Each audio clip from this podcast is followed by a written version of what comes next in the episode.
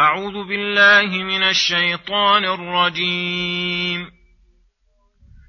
إنما المؤمنون الذين آمنوا بالله ورسوله وإذا كانوا معه على أمر جامع لم يذهبوا وإذا كانوا معه على أمر جامع لم يذهبوا حتى يستأذنوه.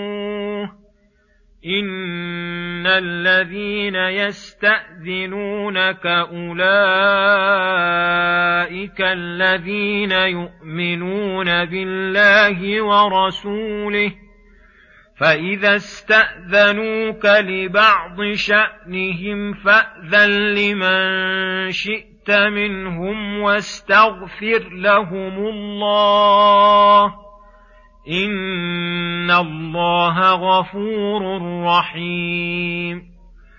لا تجعلوا دعاء الرسول بينكم كدعاء بعضكم بعضا. قد يعلم الله الذين يتسللون منكم لواذا فليحذر الذين يخالفون عن امره ان تصيبهم فتنه أو يصيبهم عذاب اليم الا ان لله ما في السماوات والارض قد يعلم ما أنتم عليه ويوم يرجعون اليه فينبئهم بما عملوا والله بكل شيء عليم بسم الله الرحمن الرحيم. السلام عليكم ورحمة الله وبركاته. يقول الله سبحانه إنما المؤمنون الذين آمنوا بالله ورسوله الآيات. هذا إرشاد من الله لعباده المؤمنين أنهم إذا كانوا مع الرسول صلى الله عليه وسلم على أمر جامع أي من ضرورته أو مصلحته أن يكونوا فيه جميعا كالجهاد والمشاورة ونحو ذلك من الأمور التي يشترك فيها المؤمنون فإن المصلحة تقتضي اجتماعهم عليه وعدم تفرقهم. فالمؤمن بالله ورسوله حقا لا يذهب لأمر من الأمور لا يرجع لأهله ولا يذهب لبعض الحوائج التي يشذ بها عنهم إلا بإذن من الرسول أو نائبه من بعده. فجعل موجب الإيمان عدم الذهاب إلا بإذن ومدحهم على فعلهم هذا وأدبهم مع رسوله وولي الأمر منهم فقال إن الذين يستأذنونك أولئك الذين يؤمنون بالله ورسوله ولكن هل يؤذن لهم أم لا؟ ذكر لإذنه شرطين. احدهما أحدهما أن يكون لشأن من شؤونهم وشغل من أشغالهم فأما من يستأذن من غير عذر فلا يؤذن له والثاني أن يشاء الإذن فتقتضيه المصلحة من دون مضرة بالآذن فلهذا قال فإذا استأذنوك لبعض شأنهم فأذن لمن شئت منهم. فإذا كان له عذر واستأذن فإن كان في قعوده وعدم ذهابه مصلحة برأيه أو شجاعة ونحو ذلك لم يأذن له. ومع هذا إذا استأذن وأذن له بشرطيه أمر الله رسوله أن يستغفر له لما عسى أن يكون مقصرا في الاستئذان ولهذا قال فاستغفر لهم الله إن الله غفور رحيم. يغفر لهم الذنوب ويرحمهم بأن جوز لهم الاستئذان مع العذر. ثم يقول سبحانه لا تجعلوا دعاء الرسول بينكم كدعاء بعضكم بعضا. فإذا دعاكم فأجيبوه وجوبا حتى إنه تجب إجابة الرسول صلى الله عليه وسلم في حال الصلاة.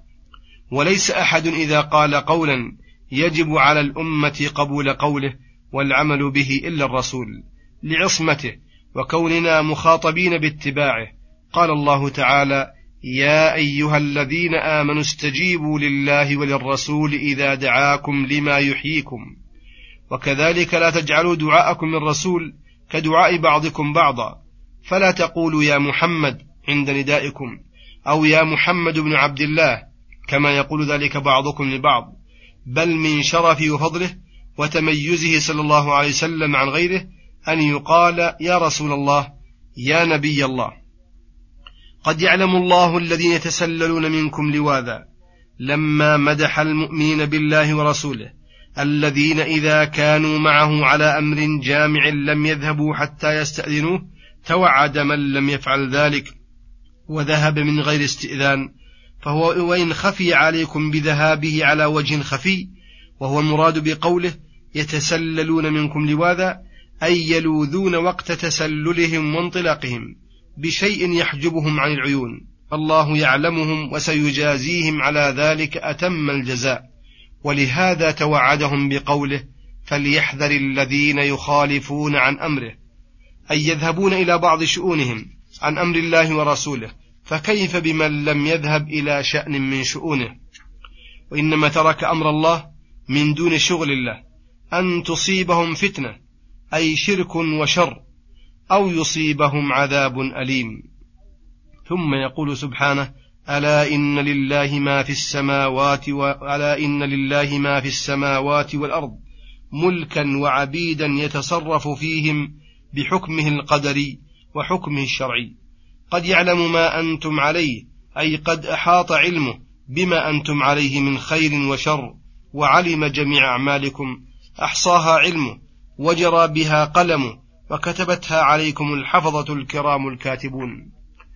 ويوم يرجعون إليه أي يوم القيامة فينبئهم بما عملوا يخبرهم بجميع أعمالهم دقيقها وجليلها إخبارا مطابقا لما وقع منهم. ويستشهد عليهم أعضاءهم فلا يعدمون منه فضلا أو عدلا. ولما قيد علمه بأعمالهم ذكر العموم بعد الخصوص فقال والله بكل شيء عليم وصلى الله وسلم على نبينا محمد وعلى آله وصحبه أجمعين. وإلى الحلقة القادمة غدا إن شاء الله.